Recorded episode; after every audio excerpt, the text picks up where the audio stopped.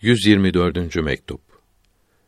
Bu mektup yine Molla Tahir Bedahşi'ye yazılmıştır. Yolluk bulunması haccın vücubunun şartıdır.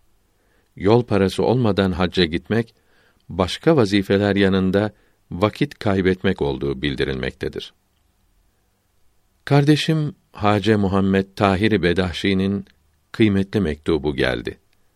Allahü Teala'ya hamd ve şükür olsun ki fakirleri sevmekte ve bağlanmakta gevşeklik olmamış. Ayrılık günlerinin uzaması buna yol açmamış. Bu haliniz büyük saadetin alametidir. Bizi seven kardeşim, gitmeye karar verdiniz ve izin istediniz.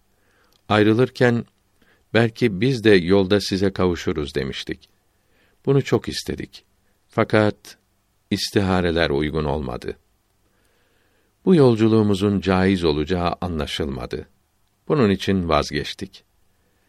Daha önce sizin gitmeniz de uygun görülmemişti. Fakat çok istediğiniz düşünülerek açıkça men edilmedi. Yola çıkmak için yolluk parası bulunması şarttır.